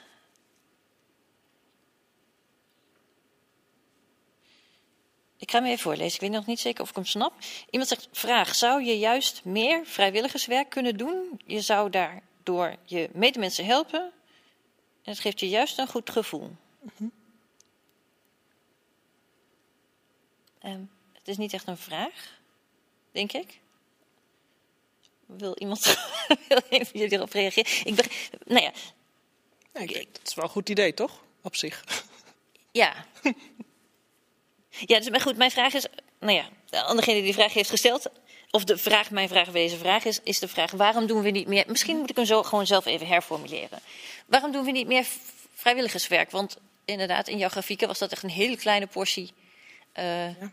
van onze wekelijkse bezigheden. Ik geloof nog samen met naar de kerk gaan of zoiets. Oh, ja. De kerk gaan was nog minder, maar ja, ja, het viel dan samen en het was samen heel weinig. Ja. nee, maar dat vind ik dus ook zo'n boeiend. Dat vond ik ook echt leuk aan de voorbereiding van uh, dit. Omdat het, uh, nou ja, ik weet op zich wel tijdsbesteding natuurlijk zo, maar dit specifieke Martha en Maria aspect. Ik ging dus ook op zoek naar, nou, wat doen we dus met onze tijd? Wat vinden we waardevol? Waarom doen we dan wat we doen? Nou, daar heb ik geen antwoord op. Maar ik denk wel dat we deels dus slachtoffers zijn van onze eigen Um, nou ja, bijvoorbeeld media hebben wij uh, over de tijd heen steeds meer zo ontwikkeld dat die ons boeit. Hè? Dat is het hele idee van media. Of het nou boeken zijn of, of klassieke muziek, maar ook social media. Het is steeds, de ontwikkeling gaat steeds meer naar nog boeiender. Het houdt je aandacht vast, het zuigt je erin. Uh, en dat, dat komt natuurlijk tegenwoordig ook omdat er dan ook een, kapitaal, een kapitalistisch aspect aan zit. Die bedrijven moeten ook geld verdienen. Maar ook vroeger denk ik dat, dat het idee dat mensen elkaar verhalen vertellen en bijvoorbeeld eh, dat je elkaar wilt boeien is een hele diepe menselijke behoefte. En op een bepaalde manier is, is denk ik ons media is een beetje een soort van is een beetje een monster dat we hebben gecreëerd. Hè? Dat er zijn ook van die verhalen van Facebook dat je steeds alles zo ontworpen is dat je steeds doorscrollt. Die, die steeds blijft scrollen omdat je, ons brein op een bepaalde manier reageert op de manier waarop die informatie wordt aangeboden enfin, niet mijn expertise, maar ik herken het gevoel ook van mezelf. ik zit heel vaak met een mobieltje in mijn hand en denk dan, potverdorie heb ik dat ding weer. Gewoon nieuws te lezen dat ik al ken. Um, en dat, ik denk dus dat daar een deel van, wij hebben onszelf gewoon net iets te, te vakkundig met, met die prikkels dus buitenspel gezet.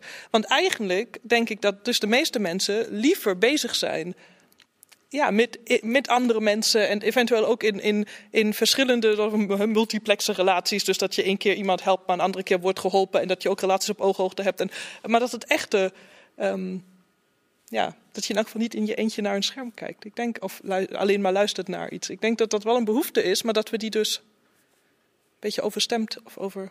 Ja, ja. ja maar dus je zegt ook van het feit dat we zoveel met social media bezig zijn, maakt dat we minder tijd gewoon overhouden ja, al weet ik dat deze these bij sociologen redelijk omstreden is. Dat is een beetje loss of community uh, hypothese. Namelijk dat, uh, ik weet niet of jullie kennen dat misschien, dat is wel heel erg weg van Martha Maria, maar dat bowling alone idee. Dat mensen steeds um, ja, eigenlijk geïsoleerder leven, steeds minder, ja, vooral van die sociale relaties zoals in verenigingen en zo erop nahouden. En het is, als je dan bekijkt, gewoon de getallen, dan valt dat dus wel mee. Maar ik denk wel dat als je die balkjes bekijkt, 20 uur per week aan media en, en echt ja, acht of negen gemiddeld aan sociale contacten en, en dat piepkleine stukje vrijwilligerswerk. Ik denk wel dat als we, ja, als je even bedenkt van hoe zou ik mijn leven vorm willen geven, dat je daar eigenlijk niet op uitkomt. Ja. Dan hebben we toch die, uh, die zachte stem nodig die zegt, uh, Marta, Marta, zit je smartphone uit? ja, precies. dat is zoiets. Ja, uh, ja, maar goed, het, het zou een ja. goed idee zijn. Maar en waarom we het niet doen? Ja, ik denk dus dat we ons als soort heel vakkundig buiten spel zetten door dus steeds betere en interessantere dingen te ontwerpen. En, uh... ja, ja, precies. Ja. ja, ik zou.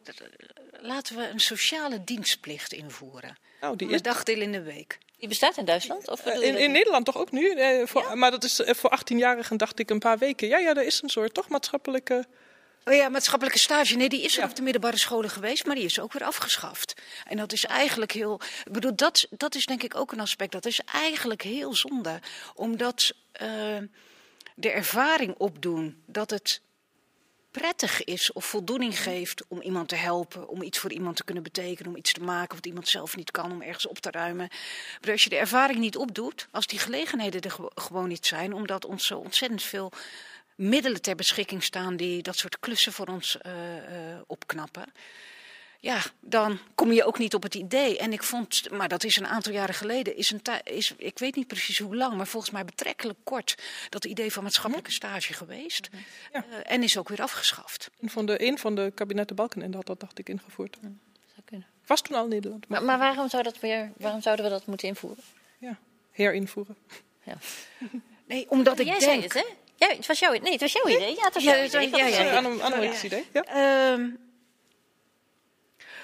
Omdat ik denk dat uh, zo'n maatschappelijke stage of sociale dienstplicht, dat het rust, geven, rust brengt in je leven. Zeker als je een zorgtaak hebt, dan moet je je op één ding richten. Dan kun je niet goed tegelijkertijd andere dingen doen, als je met kwetsbare mensen te maken hebt. Dat dat, uh, nou, dat, dat veel voldoening geeft. Dat je dat ook wegtrekt van zorgen maken over: heb ik, heb, ik, heb ik mijn spullen wel op orde? Heb ik voldoende materiële zaken? En dat als je die ervaring eenmaal opgedaan hebt, dat je daar naar terug verlangt. Dus het belangrijke is om gelegenheden te creëren waarin uh, mensen die ervaring op kunnen doen. En het liefst eigenlijk jonge mensen, en, en scholieren. Vrouwen en mannen. Dat is misschien nee, ook zeker, mooi dat, dat juist dan ook mannen, zeg maar. Ja, ja, ja. ja. Verplicht, nee, verplicht, ja. Tegelijkertijd inderdaad verplicht iemand reageert hierop, en op wat we nu bespreken. En zegt gewoon: is dan niet het gevaar aanwezig dat vrijwilligerswerk dan ook een, dat, dat dan een moeten aan zich wordt? Dan moet het ook nog. Moeten we, we moeten dan ook nog vrijwilligerswerk doen. Ja, nou ja, het moet natuurlijk, het zit al in het woord hè, werk. Het, vaak moet het ook. Ik weet dat er uh, bijvoorbeeld als je zegt ik uh, kom uh, meeknutselen in een inrichting waar gehandicapte mensen wonen, dan moet je vaak een contract tekenen. Tenminste, dat je echt komt, een vrijwilligerscontract. Omdat in dat niet zo handig is als mensen twee keer komen, weer afhaken en dan weer. Um, dus ja, nee, dat moet. Ja. Maar, ja, maar ik ben het wel eens met Annemarieke. De, de kunst is natuurlijk je leven te vullen. Um, soms dus tegen je tegen je innere, ja, dat hebben we een heel mooi woord, dat is uh, je innere zwijnenhond. Ja. ja, dat is echt een... Ik ken daar een schilderij Oh, jij kent hem? Ja. Ja, ja. ja. Maar iedereen heeft dus zo'n stemmetje in zich die zegt, nou, ga toch maar even op de bank zitten. Mm. Ja, en soms moeten we daar um, weerstand tegen bieden. Dus dan is enige verplichting is dan wel goed. Jonge kinderen doen dat ook uitstekend, kan ik uh, zeggen. Ja. He, moet je, maar goed, dat is niet hetzelfde soort. Dat doet niet hetzelfde. Een relatie met je eigen kinderen is niet hetzelfde als uh, je tijd geven aan een nee. ander iemand die uh, ja, hulp hoeft. Ja, ja maar, maar zorgen voor je eigen kleine kinderen heeft wel het aspect ook. Uh, dat het je aandacht richt en dat op dat moment alleen. En dat op zichzelf als activiteit is denk ik zinvol. Ik bedoel, daar kun je wel knettermoe van worden, maar je richt je aandacht. Ik denk dat dat, dat, dat belangrijk is. Dat dat, uh, focus. Ja, op focus. één ding. Ja, Ja. dat dat een mens goed doet. Zoals in de tuin werken, wat ik nooit doe. Maar als ik het doe, ook die bevrediging kan geven. Ik moest nu wel denken aan dat, het vele appen dat uh, ik en ook mijn vriendinnen tijdens het borstvoeden altijd Oh, ja. krijgen. Dan krijg je om, als ochtends om half vijf krijg je dan appjes. Even nog aan het voeden. Ahem. dus dat, ook dat is moeilijk in deze tijd. ja. Nee, maar dat, het is wel waar. Dat omge ja. Ja, Ja. Ehm, ik ga even door naar een volgende vraag uit het publiek. En die is van jou niet onbekend Frans Maas. Ehm, hij zegt de drie wegen. En Maria op de tweede en Martha op de derde weg. Ah, ja. Spiritualiteit, spiritualiteit als inzicht. Daar kun je vast iets over zeggen. Martha op de tweede weg, Maria op de derde weg. Dat ja, is dat wat. is het volgende. Ja, dat is wat. Ja, ik ken. ehm, een vraag van Frans Maas en refereert ook aan Meister Eckhart. Dus waarin eigenlijk dit in zijn uitleg, de uitleg van Eckhart hierover, ehm, de rollen tussen Martha en Maria worden omgedraaid. Waarom heeft Maria. Nee, ze- nee, wacht even. Ik moet goed nadenken. Martha. De, de uitleg van Eckhart is. Maar Frans moet mij maar tegenspreken als ik. Oh nee, dat kan niet via metis, kan niet reageren als ik geen gelijk heb. Nee, de, eh, de gedachte is. Martha begrijpt dat na de, na de contemplatie de actie weer nodig is. En wanneer begrijpt ze dat? Eh, dus Martha is. eh, Martha is. Die heeft, Martha heeft begrepen dat je nadat je de innerlijke weg hebt afgelegd, weer de wereld in moet. Oh, Dus en ik hoop dat ik het goed zeg, maar dat is de uitleg van Eckhart. Die zegt dus Martha die heeft, eh, die is verder dan Maria. Dus Maria is nog helemaal in zichzelf gekeerd en laaft zich aan de woorden van Jezus. En Martha heeft dat al geïnternaliseerd en treedt naar buiten om, eh, nou, om, te, om te zorgen voor de mensen om haar heen. Maar moet zich op dat moment toch niet zo druk maken. ja. Want Ja, dat vind ik ja. dan zo. Dat vind ik dan. Ik vind het een mooie uitleg op zich, maar ik, wa- wa- wa- waarom zegt Jezus dan wat hij zegt?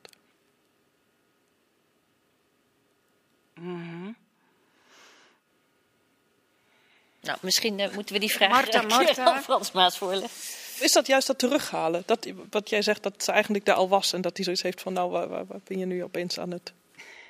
Ja, de de enige, de enige manier om daarachter te komen is dat ik ehm eh, Eckhart eh, en de preek van Eckhart over deze tekst zou moeten nalezen.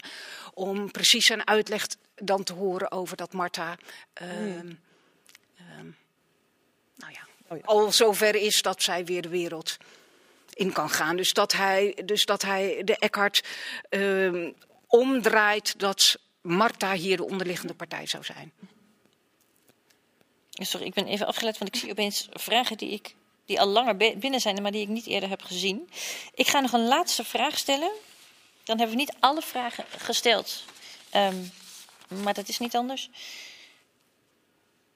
Uh, zal ik eens even kiezen? Oh ja, iemand zegt: is het ook een kwestie van. Nee, wacht even. Ik ga toch een andere doen omdat ik het niet helemaal begrijp. Iemand zegt: druk zijn is niet per definitie om veel geld te verdienen. Maar druk is naast werken ook in huis dingen doen. Kinderen naar her en der brengen, vrijwilligerswerk, etc. Zeker. Juist. Ik denk, voltijd werken is misschien afhankelijk van je baan minder druk. Ja. Dan niet werken of weinig werken. En ja. Zorgen. Omdat je als je voltijd werkt misschien gewoon een heel afgekaderd leven hebt met duidelijke, uh, duidelijke uh, taken. Ja, nee, dat vrouwen zijn ook vrouwen, um, hè, want dat, vrouwen ervaren meer druk. Want daar gaat het natuurlijk ook over. Wat is, druk is enerzijds een soort lifestyle. Oh, hoe is het met je druk, druk, druk hè, in, in de mhm, grote stad of zo.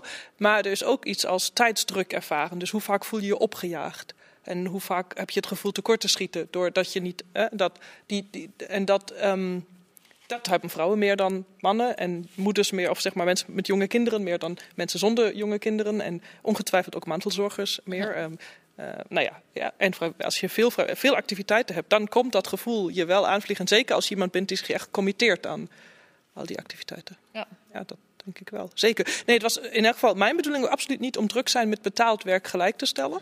Um, maar het draagt, ja, hoe meer je natuurlijk doet, als dan naast ook nog een deeltijdbanen zijn, bijvoorbeeld ook een ultieme manier om het echt om een gevoel van druk te hebben, omdat je dus moet schakelen steeds. Dus allerlei verschillende taken. Ja, ja precies. Tussen werk en zorg en thuis en eventueel nog ja, andere contexten. Ja. Zeker. Ik ga afsluiten. Ik denk dat, we, dat, het, eh, dat er veel gezegd is, dat er veel is om nog verder over na te denken. Ik ga morgen vroeg starten met een uh, afwasteltje en een, uh, en een lekker sopje. Dat lijkt me een goede tip. Um, ik wil heel graag bedanken mijn sprekers, Katja Wegal, Annemarieke van der Woude. Mensen thuis, heel leuk dat jullie er waren. Fijn dat jullie vragen hebben gesteld. We hebben ze niet allemaal kunnen beantwoorden, maar nou ja, wie weet op een ander moment. Um, morgen hebben wij ons laatste programma van dit jaar alweer. Dan gaat het over te veel vraagteken vrouwen in de rechtspraak. En wie weet vindt u dat ook interessant. Het is ook weer online te volgen. Graag tot de volgende keer bij Radboud Reflect. Uh, ik wil hem een applaus vragen, maar dat uh, ga ik zelf maar doen. Fijne avond nog. Tot de volgende keer.